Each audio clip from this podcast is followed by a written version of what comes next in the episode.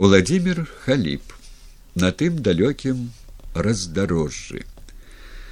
Доўгачаканы дзень надышоў. Гожым лепеньскім ранкам выехалі мы на лагойскі тракт. Ушчэн дабіты уазік ляцеў на гранічнай хуткасці, бо за рулём сядзеў геня, ці не лепшы з усіх студыйных кіроўцаў. Побач са мной, іранічна усміхаўся нечаму самсон палякоў драматург і галоўны рэдактар студыі летапіс схаваўшы руки ў чорную торбу зараджаў кінастужкай касету сергей пятроўскі наш аператор і рэжысёр. А наперадзе адразу за кіроўцам прыладкаваліся рыгор барадулін і василь быкаў. Аб нечым яны гаварылі але слов было не чуваць на падлозе грукатала кіназдымачнае жалеззе. Словам звычайная кінагрупа. Неверагодна было толькі тое, што ехалі мы на ушадчыну здымаць фільм пра быкова. А гэтага ён не хацеў. Адмаўляўся далікатна, але з такой рашучасцю, што звяртацца зноў да яго было бессэнсоўна. Аднак для студыі летапіс девяностых гадоў, якая ўсвядоміла сябе студыі беларускай, не зняць гэткі фільм было немагчыма. Ды да і лепшыя часы ўжо мінулі і чынавенства новай хвалі з імпэтам аднаўляла даўнейшыя парадкі. Зноў ці не кожны удалы фільм даводзілася прабіваць. Улада крыўдзілася і не магла зразумець чаму гэта быкаў перад ёй не трапеча. І быў ужо недалёка той час калі ён пакіне краіну Працэс жа уключэння фільма нават дакументальнага ў вытворчай планкі на студыі надзвычай марудны і наўмысна ускладнёны. На ўсялякі выпадак, каб засцерагчыся ад нечаканасцяў. Але мы знайшлі ў тагачасным міністэрстве людзей, якія разумелі, хто такі быкаў і дапамаглі нам рознымі праўдамі і няпраўдамі тэму ў плане зацвердзіць. Пра паўнаметражны фільм нельга было нават весці размову. Добра яшчэ, што хаця б дзве часткі нейкіх двадцать хвілін зацвердзілі. Наконт аўтара сцэнару ніякага сумнення ў нас не было. Хто ж ведаў быкова лепш за ягонага сябра рыгора барадуліна, тым болей, што ён ужо даўно супрацоўнічаў з нашай студыі. І ўсе фільмы сцэнары да якіх ён пісаў з лёгкай рукі рэгора атрымліваліся проста выдатнымі. І ў гэтым выпадку нам бачыўся ўжо фільм неардынарны. Да таго ж здымаць яго павінен быў сергей пятроўскі рэжысёр і аператар таленавіты а пантана адданы свайму няўдзячнаму мастацтву. Вядома гэта было недарэчнасцю. Ёсць у плане фільм пра быкова а згоды ягонай на тое няма. І пры звычайных абставінах ніхто б і не падумаў падзеі прыспешваць. Але ж быў час была эпоха і хутка так павярнуўся ён гэты час так выкруціўся пачварна што пад забаронай апынуўся не толькі нейкі там фільм але і сама студыя летапіс Рэгор разумеў, чаму з гэтым фільмам мы не наважваемся чакаць лепшых дзён. Паабяцаў яшчэ раз пагутарыць з Васілём, але ж і мы павінны таксама давесці нейкія важкія аргументы, каб пераканаць яго, што гэта не будзе чарговая кіношная пустышка. І нейк адразу сышліся на тым, што здымаць быкова трэба на радзіме. Калі пагодзіцца, дык хіба можна з гэткай нагоды. А пакуль дачакаемся лета. Але сергей пятроўскі яшчэ зімою ледзь дачакаўшыся зацверджання тэмы праклаў дарогу у бычкі. Зіма выдалася холоднай завейнай а ён патанаючы ў глыбокім снезе блукаў з кінакамерай па тамтэйшых узгорках і азёрных берагах шукаючы стылістыку і адмысловую танальнасць будучага фільма першым знятым матэрыялам ён усіх нас проста ўразіў. Чорна-белая стужка дзіўнае спалучэнне белага і чорнага у абрысах узгоркаў самотнымі дрэвамі на заснежаных схілах нетаропкія панарамы вялікага возера скутага лёдам нейкая бязмежная пустая прастора і незразумелае адчуванне трывогі. І ў кожнай той панараме у кожным кадры пазнавалася беспамылкова ушадчына недзе ўвесну калі шмат ужо сабралася знятага матэрыялу наважыліся паказаць усё тое быкаву. Мы сядзелі ў студыйнай зале. На экране разгортваліся дзівосныя панарамы у якіх нібыта і не было нічога адметнага. Кубка алешніку на снежнай раўніне. Адзінокая хаціна под чорным небам. Два вялікія дрэвы надае завеянай страхой. Я мімаволі зірнуў на быкова ён сядзеў нерухома і глядзеў на экран. І немагчыма было зразумець прыймальнымі падаюцца яму гэтыя першыя накіды або ён увогуле ўсё адвяргае. Калі скончыўся прагляд ён таксама нічога не сказаў пра свае ўражанне толькі спытаў суха а назва якая край перакуленых нябёс адказаў палякоў. Мы мелі на ўвазе ўсяго толькі тое вялікае возера за вёскай бычкі у якім калі глядзець на яго з высокага берага так адметна адлюстроўваецца высокае неба што ўзнікае адчуванне нейкай бязмежнай глыбіні. І нічога болей. Але василь владимирович усміхнуўся змрочна і перайначыў назву по-свойму сапраўды ўсё там у нас перакуленае Ён развітаўся з намі і пакінуў студыю. Дамагацца канкрэтнага адказу на наше пытанне зараз было недарэчна. Хто ведае, ці не пачулі б мы кароткае не. Толькі недзе ў пачатку ліпеня патэлефанаваў на студыю рэгор. Едзем у бычкі. А ўвогуле, як ставіўся ён да кіно. Пытанне на першы погляд недарэчнае, пераважная большасць ягоных твораў экранізавана. Кінематограф прозай быкова захапляўся безаглядна. І ўсё ж і ўсё ж. Калі які-небудзь пільны даследчык перагорне аднойчы стэнаграмы беларусфільмаўскіх мастацкіх саветаў, дык будзе напэўна ўражаны дзіўнай неадпаведнасцю. У тых стэнаграмах процьма старонак выступ алеся адамовича бліскучыя палымяныя прамовы дасведчанага аналітыка і таленавітага публіцыста. Ён заўсёды нешта абараняў ці абвяргаў а часцей што у тагачасным кіно было найважнейшым прабіваў сцяну чынавенскага супраціву.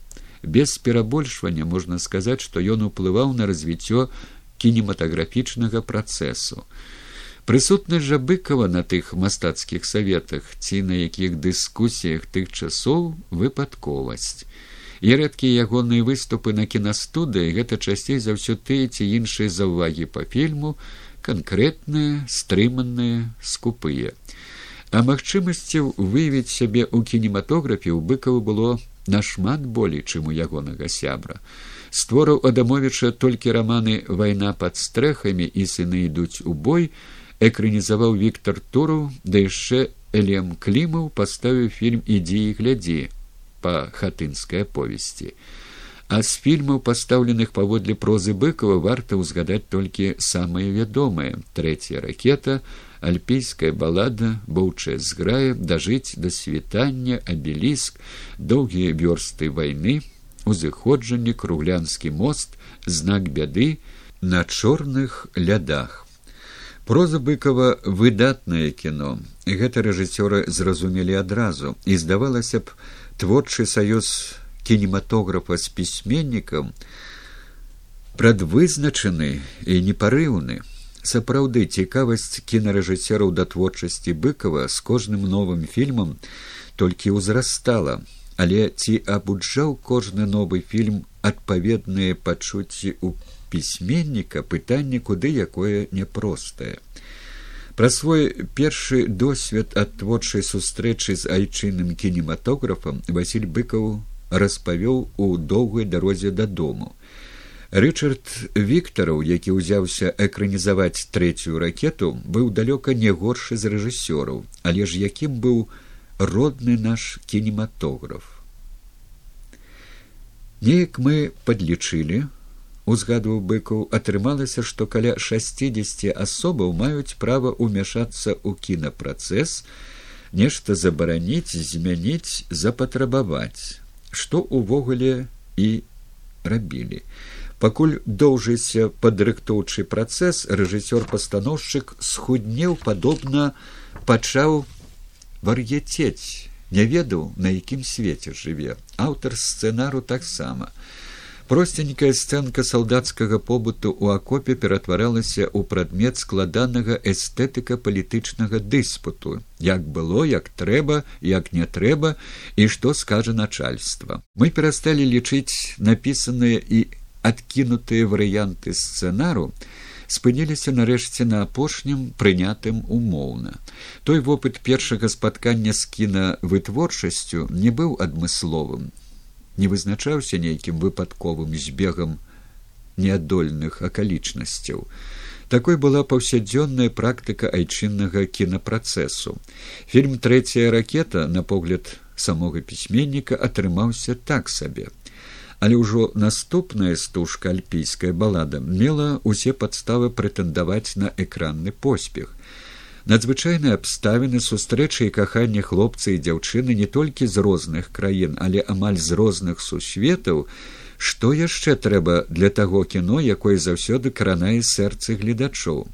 Да таго ж галоўныя ролі рэжысёр барыс сцяпанаў прапанаваў неблагім выканаўцам. І працаваў ён старанна. І ад начальства далёка на каўказе ў гарах але надта па-свойму успрыняў ён аповесць. А тут яшчэ між выканаўцамі галоўных роляў успыхнуў канфлікт, а экран бязлітасны, і каханне Івана і Джулія не пераўзышло адчужанасці любові рубянцавай і станіслава любшына. Аднак на гэткія дробязі хто тады звяртаў увагу. І фільм нязменна узгадваўся, калі кінакрытыкай ці начальствам пералічваліся здабыткі нашага кіно. Хіба толькі голасу Васіля быкова не чуваць было у тым аднадушным хоры. Не тое не сёе, зазначыў ён пра гэты фільм.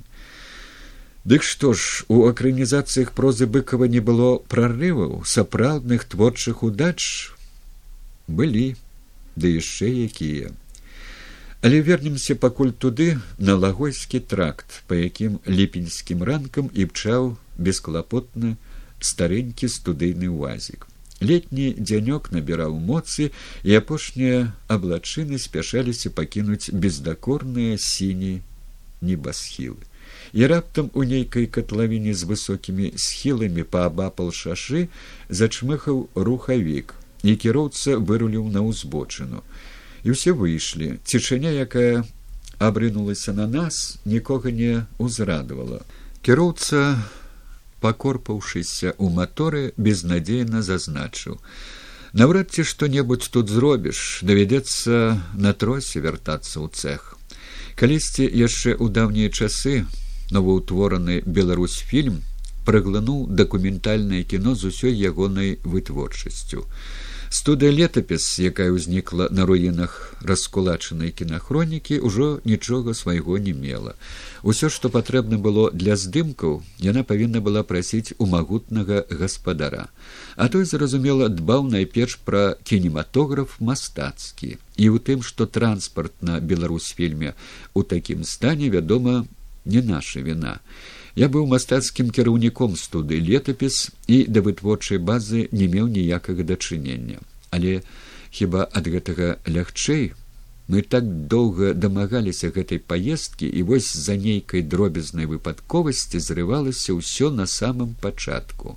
У мяне і сумнення ніякага не было, што нават самы лагодны і цярплівы чалавек, калі б ён трапіў у гэткія абставіны як цяпер василь быкаў выйшаў бы на дарогу спыніў першую сустрэчную машыну ды вярнуўся ў мінск. Што было рабіць?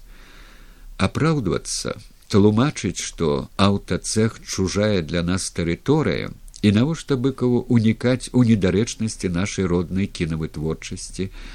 Было поўнае адчуванне катастрофы. І каб не бачыць яе лагічнага развіцця я проста пайшоў падалі ад гэтага злашчаснага уазіка уверх па схілу прыдарожнага ўзгорка. І узышоўшы спыніўся бо гойдалася перада мной зялёнае жыта.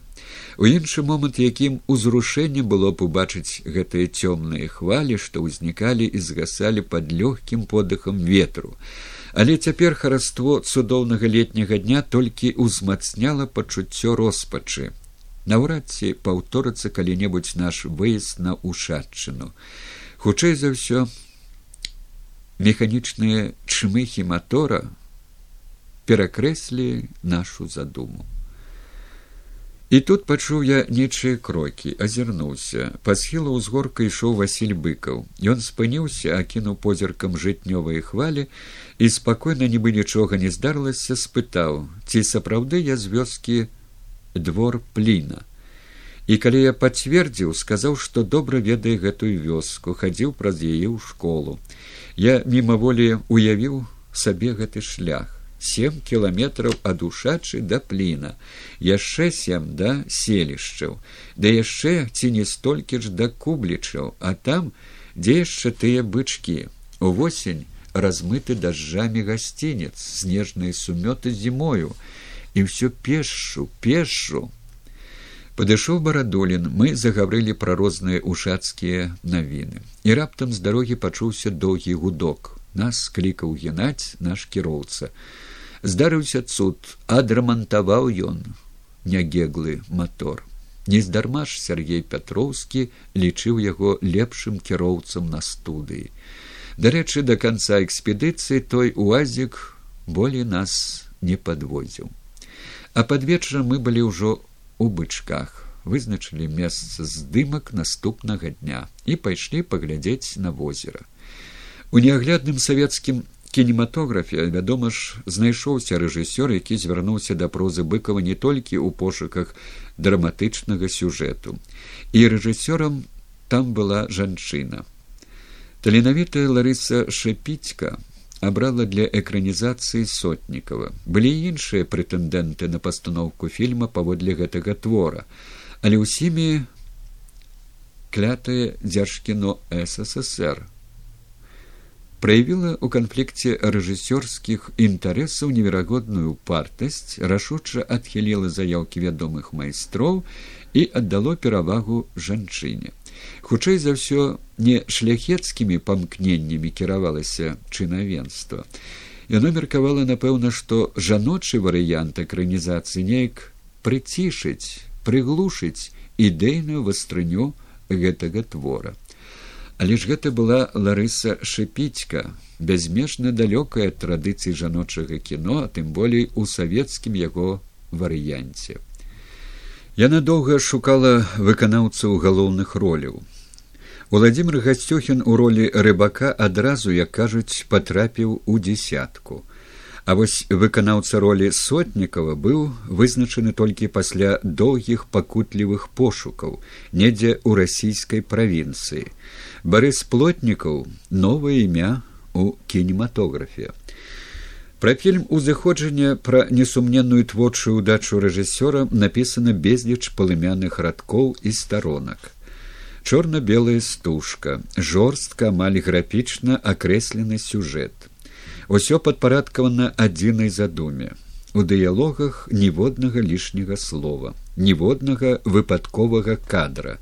Стылістыка міту бязмежна доўгі праезд санак з палонным сотнікавым па зімовай дарозе цень неадольнай пакуты на твары. Нерухомы позірк у бязмежную далячынь. А там белы снег. Палоска далёкага лесу між павольных узгоркаў цыбулінкі макаўкі тыпова расійскай вясковай царквы. Чакайце адкуль яна гэткая ў беларусі у той час расійская інтэлігенцыя насуперак афіцыйнай ідэалогіі імкнулася да сапраўднай духоўнасці бачыла яе пераважна у адрынутым калісьці бальшавіцкай уладай праваслав'і і у кінематаграфічным асяроддзі шмат хто сотнікава і рыбака з фільма узыходжання атаясамляў з хрыстом і іудам. Як гэта бывае звычайна зазірнуўшы ў вялікі твор літаратуры кожны знаходзіць у ім тое што шукае. І экранізуючы сотнікава ларыса шыпіцька бачыла ім тое што хацела ўбачыць. Кінамастацтва рассіі узбагацілася выдатным творам.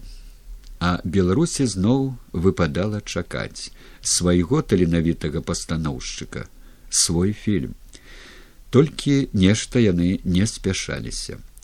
Возера тое ўбачылі мы ў глыбокай лагчыне. Крутыя ўзгоркі адтачалі яго. Лес на ўзгорках здалёк здаваўся дзікім і цёмным. Мы збіраліся толькі вызначыць месца заўтрашніх здымак. Таму ніякай апаратуры акрамя ручной камеры конвас сабой не ўзялі под густымі кронамі дрэў ісці было лёгка наперадзе крочыў быкаў. Ён жа тут ведаў напэўна кожную сцежку. Берег быў ужо недалёка возера срэбрам зяла між дрэў.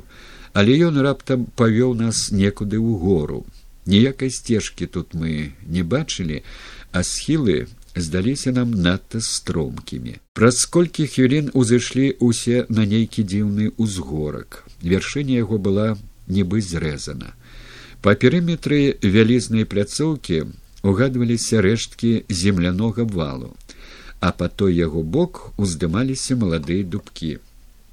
Нічога не нагадвае ледзь прыкметна усміхнуўшыся спытаў быкаў і не дачакаўшыся адказу патлумачыў. Паганскае капішча. Некалі тут быў дубовы гай ну як мясціна? Мы стаялі зачараваныя. Сонца хілілася ўжо на край неба глыбокія цені ўзнікалі пад прыазёрнымі кручамі. І навакольныя ўзгоркі здаваліся сапраўднымі гарамі загадкавымі і таямнічымі. І нябесным святлом свяцілася вялікае возера. Узгадывалася оно вам напэўна спытаў самсон чаму ж не? Адгукнуўся быкаў. Як у кожнага армяніна ёсць гара арарат гэтак і ў кожнага беларуса павінна быць сваё азярцо. Не назаляючы асабліва пятроўскі патроху здымаў. Записывалі і фонаграму неспадзяваныя эпізоды таго вечара так удала уманціваліся потым у фільм. І на кінастужцы і на выпадковых знятых тады для саміх сябе фотаздымках звычайнай быкаўскай пахмурнасці як не было. Настрой таго ціхага летняга вечара перадаўся відаць і яму. Калі выйшлі на адзіны вольны ад зараснікаў бераг быкаў які па-ранейшаму крочыў наперадзе ужо далёка адарваўся ад нас. На беразе ляжаў вялізны шэры валун. Быкаў прыладкаваўся на ім дастаў з кішэні блакнот і нешта доўга там занатоўваў. Потым нетаропка скіраваўся да возера падышоў да самай вады пастаяў углядаючыся ў цёмны супрацьлеглы бераг. І павярнуўшыся да нас сказаў што трэба вяртацца. Сонца зайшло але неба яшчэ доўга заставалася светлым. І возера у якім ужо адбіўся месяц здавалася глыбокім бяздонным. І ўсё ж бадай не варта сцвярджаць што быкаў не ўмешваўся ў наш пакручасты кінапрацэс. Ва ўсякім разе мне вядомы выпадак калі ён паўплываў на гэты працэс. Да яшчэ як. Калісьці ў канцы восьмидесятых у ся тады яшчэ велічэзная краіна была ўзрушана крамольным грузінскім фільмам у якім верыко анжапарыдзе ў ролі нейкай дзіўнаватай старой стоячы на брукаванай вулічцы пыталася ці прывядзе гэтая дарога да храму. І даведаўшыся што не здзіўлялася а навошта дарога якая не вядзе да храма? Прайшло некалькі год і я пераканаўся як глыбока ўразілі усіх тыя словы Хто б мог падумаць, але на містычную тую дарогу выйшла і наша высокае чынавенства. Яно усвядоміла раптам жахлівую недарэчнасць. з дакументальнага экрану зусім зніклі кіруючыя абліччы да яшчэ запанавала там беларуская мова да якой у сэрцах нашага кіраўніцтва заўсёды палала нязгасная любоў навошта дарога калі яна не вядзе да храма і навошта студыя калі ідзе яна не ў звычным кірунку? І яе закрылі выдаўшы адпаведны загад. Апеляваць было бессэнсоўна. У міністэрстве культуры толькі руками разводзілі дырэктыва зверху і ўсё цішыня. Нават нашы прыхільнікі і аднадумцы зацята маўчалі І тады на студыю летапіс прыйшоў Васіль быкаў. Ён даў інтэрв'ю радыёстанцыі свабода. Заўсёды стрыманы на беларусфільмаўскіх прасторах. Гэтым разам у адрас чынавенства, якое знішчыла адзіную краіне беларускамоўную студыю, ён дыпламатычных слоў не выбіраў. На наступны дзень ягоны выступ з'явіўся і ў газеце звязда. Напэўна, у той час у чынавенства лбы яшчэ не зацвярдзелі канчаткова. Яно разумела, чаго вартае слова быкава. Злашчасны загад знік, нібы растаяў у паветры. Начаваў я ў вёсачцы пліна у сваякоў, а ўся наша здымачная група ва ўшачы. Наступнай раніцы, як было дамоўлена, чакаў уазік на плінскім раздарожжы. Той пад'ехаў, не спазніўшыся ні на хвіліну. А яны ж усе, як было зразумела, заязджалі яшчэ ў вёску з прыгожай назвай ваўчо, дзе жыла сястра быкова. Спадарыня Валянціна таксама выправілася за знамі, не магла ўпусціць нагоду пабыць ажно цэлы дзень з братам. Калі праязджалі міма плінскага парку зруйнаванага, а некалі надзіва прыгожага, быкаў сказаў мне: якія тут дрэвы стаялі. У мяне скаланулася сэрца. Гэта быў даўні мой боль. З усіх вёсак на свеце болей за ўсё я любіў сваё пліна. Не толькі таму, што тут нарадзіўся. Яно наша пліна здавалася здалёк вялізнаю хмараю, што зачапілася выпадкова за тутэйшай узгоркі, і хмара тая бывала ў залежнасці ад пары году то лілова празрыстай, то зялёнай, то сонечна залатой. Памятаў быкаў, якія велічэзныя дрэвы тут калісьці раслі, але нейкае мудрае начальство загадала іх усе спілаваць усе клёны і ўсе дубы. Астатнія датаўклі п'яныя трактарысты. Я быкаў все яшчэ поўніў старыя плінскія дрэвы.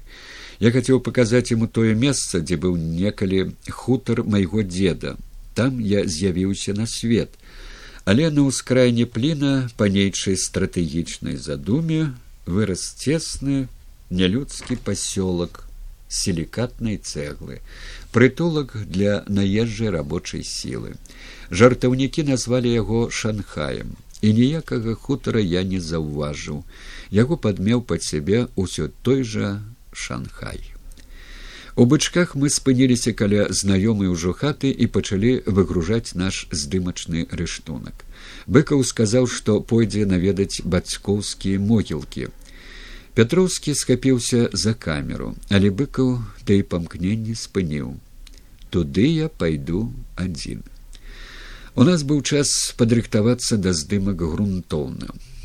Панадворак лепеньскім ранкам выглядаў так прывабна, і зялёная трава каля ганку здавалася такой сакавітай роснай, што мы, расстаўляючы апаратуру, стараліся яе не вытаптаваць, каб нішто не парушала спакой гэтага закінутага куточка.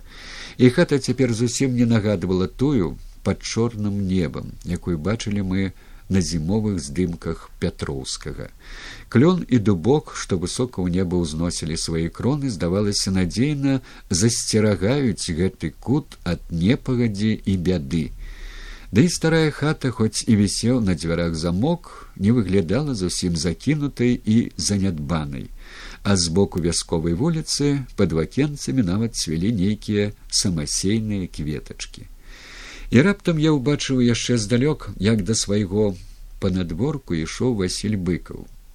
Нетаропкая хада засяроджаны позірк. Напэўна ён думаў аб нечым толькі аднойчы крыху прыпыніўшыся паглядзеў кудысьці ўдалячынь у бок возера і зноў пакрочыў па вуліцы а тая вясковая вулічка што абмінала вольна раскіданыя хаты так выгіналася прыгожа ды адмыслова быццам наўмысна дапамагаючы рупліваму аператару зняць непаўторную панараму і ён здымаў. Можа упершыню ў жыцці не зважаючы на метраж. Потым ужо на студыі сергей сказаў мне што выкруціў на тую панараму усю касету На панадворку, бачыўшы, што ў нас усё гатова да здымак, быкаў сеў на лаўку каля глухой сцяны, сказаў коротко ваше пытанне. Мы патлумачылі, што па тым сцэнары, які збіраемся зняць, усе нашы пытанні павінны застацца за кадрам. Ніякіх інтэрв'ю, толькі ягоны Васіля быкова маналог. І ўжо нашмат пазней, калі на студыі пачаўся монтаж фільма, мы здзіўляліся таму, як трапна па ўсіх законах кіно зманціраваў ён сам гэты маналог, адказваючы на нашы зусім няпростыя пытанні. У той год, калі было ўжо зразумела, што нас чакае наперадзе, нам дужа хацелася пачуць ад яго, калі не словы суцяшэння, то хаця б нейкі водгук няхай і няпэўнай надзеі на лепшае. І я задаючы яму пытанне наконт шляху які абірае народ асцярожна падводзіў да магчымага ў гэтым выпадку не самага катэгарычнага адказу. Майсей сорок гадоў вадзіў свой народ па пустыні чакаючы пакуль той пазбавіцца рабскай памяці а няўжо мы свой пакутлівы шлях не пройдзем хутчэй але прарокі не суцяшаюць. Яны гавораць праўду. Не сказаў быкаў беларусам з іх скамунізаванай свядомасцю спатрэбіцца шмат часу каб выйсці з духоўнай няволі і шлях да свабоды будзе цяжэйшым. Нам цудаў чакаць не выпадае. Мы доўга збіраліся і як заўсёды спазніліся. Былі і у беларусь фільма зорныя часы ён таксама набліжаўся да таго каб таленавіты і маштабна ўвасобіць на экране герояў прозы быкова мехаць пташук калісьці наважыўся экранізаваць знак бяды. Пакойчык рэжысёра месціўся ў тым жа калідоры беларусь фільма што і студыя летапіс і я часта заходзіў да яго такім удумлівым і адначасова ўзрушаным я даўно не бачыў мехася. Ён паказваў мне фотаздымкі толькі што знятыя на пробах актораў распавядаў пра пошукі натуры якая адпавядала б твору быкова ён надзвычай сур'ёзна ставіўся да гэтай карціны і добра разумеў якім павінен быць творчы ўзровень будучага фільма. Да кожнай размовы з быкавым рыхтаваўся старанна і грунтоўна асабліва хваляваў яго выбар выканаўцаў галоўных роляў. На сцяне ягонага пакойчыка віселі два вялікія фотаздымкі, партрэты тых выканаўцаў, да якіх ён ужо схіляўся. Ці не ўпершыню гэта былі беларускія акторы, Геннадзь гарбук і татяна мархель. Глядзі, гаварыў пташок, хіба не петрок і сцепаніда, і мне здавалася, што ў тым ягоным пытанні з якім звяртаўся ён не аднойчы напэўна ж не толькі да мяне было больш сумнення чым сцвярджэння але кіно ёсць кіно і ў кіно ёсць тое што ёсць. Аднойчы фотаздымак татяны мархель з той сцяны быў зняты а на мастацкім савеце які глядзеў кінапробы была зацверджана на ролю сцепаніды маскоўская акторка ніна русланова. Калі я выказаў яму сваё здзіўленне мехась сказаў што у татяны мархель не хопіць сілы каб увасобіць гэткі трагічны вобраз. І яшчэ жорсткасці. У русланавай не бракавала ні жорсткасці ні сілы.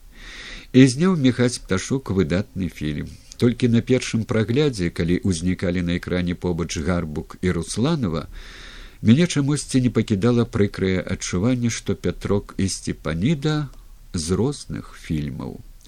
І ўсё ж не было ў тым асаблівай віны рэжысёра. У кіно замаўляе музыка той хто дае сродкі на пастаноўку. А гэта было дзяжкіно ссср і стварэнне па-сапраўднаму беларускага фільма да яшчэ паводле прозы быкова у ягоныя планы ніяк не ўваходзіла апошняй здымачнай пляцоўкай у бычках дзе меркавалі мы синхронныя здымкі завяршыць быў бераг возера. Расклалі там невялічкі касцярок быкаў шмат іранізаваў стае задумы і ўвогуле кінематограф а тым больш мастацкі з ягонай грувасткасцю і бутафорыі выклікаў яго пачуцці адпаведныя пісьменнік для якога вышэйшым крытэрыем творчасці была праўда не мог як нешта натуральнае ўспрымаць усе тыя незлічоныя умоўнасці што пераважаюць у эстэтыцы нават самых рэалістычных фільмаў. Але ягоная прыроджаная далікатнасць была такога кшталту, што ён ніколі не дазваляў сабе паставіцца адмоўна да нейчых творчых пошукаў, тым болей калі ў мастака быў відавочны ўласны почерк. Сергей Петрович патлумачыў, што той згасаючы касцярок, нават вуголле патрэбен яму як прыём у мантажы, каб арганічна пераходзіць у розны стан прыроды, зводзячы ў адзіныя розныя поры году быкаў не пярэчыў. Ізноў мы працавалі хутка і плённа. Знятыя касеты імгненна мяняліся на новыя. Пятроўскі управляўся з камерай проста віртуозна. І напэўна ж быкаў не мог таго не заўважыць. І ў цішыні гучаў ягоны голас. І ён не пакінуў без адказу ніводнага пытання. Нашмат пазней калі я слухаў парадую чытанне доўгай дарогі дадому Мне ўсё здавалася, што гэта рэх даносіць ягоны голас таго ж далёкага берага. Ён распавядаў нам пра сваіх настаўнікаў, пра тых людзей, з якімі звёў лёс на вайне. Наўрад ці давядзецца ўбачыць каго-небудзь з ягонага ўзвода. Усе былі нашмат старэйшымі. Ён узгадываў дзень перамогі, сваё тагачаснае здзіўленне, што ўсё прайшоўшы застаўся жывым і што ў той дзень быццам абрынуўся нейкі цяжар і страшэнна захацелася спаць. А праз некалькі дзён, калі выйшла з праяўкі апошняя знятая стужка, сядзелі мы ў студыйнай залі і праглядалі ўвесь матэрыял.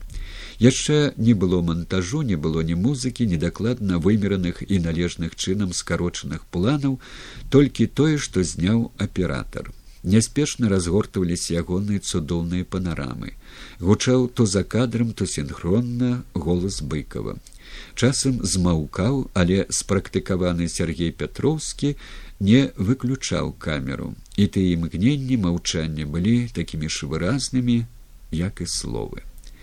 І самсон палякоў сказаў тады так бы ўсё і пакінуць без монтажу які быў бы фільм Гэта вядома фантастыка, а ў рэальнасці жорсткая вытворчая неабходнасць здаць фільм у запланаваным памеры. Дзве часткі двадцать хвілін. У заблытаных кінематаграфічных нарматывах мы знайшлі адну маленькую зачэпку. У выпадку надзвычайнай неабходнасці дазвалялася, як выключэнне павялічыць метраж на адну частку.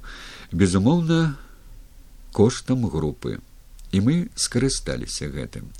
Але што тыя тры часткі? Колькі яшчэ матэрыялу не ўвайшло у той фільм? У тым ліку і выпадкова зняты план. Василь быкаў ідзе по вясковай вуліцы да свайго дома. Сергей пятроўскі сабраў старанна і ўсе іншыя здымкі пісьменніка і здаў у фільматэку на захаванне Ён ведаў цану гэтых стужак. Дакументальныя здымкі не старэюць, і рана ці позна надыдзе час, калі матэрыял той будзе запатрабаваны для новага фільма пра быкова. Падобна на тое, што асаблівага задавальнення шматгадовае супрацоўніцтва з кінематографам Васілю Владимировичу так і не прынесла за рэдкім выключэннем.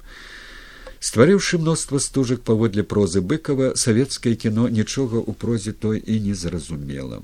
Яно прайшло міма быкова, ды і не магло быць інакш. Прыдушаная камуністычная ідэалогія, акружаная як воўк сцяжкамі шматлікімі нельга, яно было бязмежна далёкім ад той свабоды творчага мыслення, якім дыхае кожны радок пісьменніка. І хіба гэта выпадковасць, што адзін з найбольш кінематаграфічных твораў быкова, аповесць мёртвым не баліць, так і застаўся неакранізаваным. Задума ў пэўных рэжысёраў была, але як яны маглі падступіцца да гэтага твору, калі менавіта ў яго афіцыйнай прапагандай было кінута ці найбольш ідэалагічных камянёў. А можа і не варта жалю тое, што усімагутнае кіно не дацягнулася пакуль да аповесці, ці надта усцешыла б уважлівых яе чытачоў з'яўлення чарговай экранізацыі, у якой падаўняй завядзёнцы пастаноўшчыкі ўбачылі б замест бязмежнага мора лютай вайны усяго толькі прывабную драматургічную канструкцыю як гэта было ўжо неаднойчы. Няма куды спяшацца пачакаем напэўна ж калі-небудзь як трава праз асфальт праб'ецца і сапраўднае беларускае кіно і звернецца да гэтай аповесці таленавіты рэжысёр не атручаны угодніцтвам і страхам. А ў мінулую восень зноў я наведаў бычкі, кажуць, не варта вяртацца туды, дзе калісьці было табе добра. Хутчэй за ўсё вяртанне будзе горкім. Лістападаўскі той дзянёк выдаўся на дзіва цёплым і ціхім. Я зірнуў мімаволі на тую вулічку, па якой ішоў калісьці да сваёй хаты Васіль быкаў. Пустой і сіратлівай падалася мне яна суседняй хаты выйшаў гаспадар сымон барысавіч як гэта нярэдка бывае ў аднавяскоўцаў таксама быкаў пацікавіўся хто і навошта завітаў гэты кут а я глядзеў ашаломлена на даўно знаёмую хаціну і не мог зразумець чаму у падстрэжку так жудасна перакошаны бэлькі. Сымон барысавіч кінуў змрочна. А вы зайдзіце ў двор Вось ён той самы панадворак, але ж які ён пусты, беспрытульны, тыя ж клён і дубок, толькі няма ўжо нават успаміну пра засень іх шумлівай лістоты. І восеньскае сонца занадта слабое, каб на шэрыя бярвенні сцяны акрэсліць даўні цень.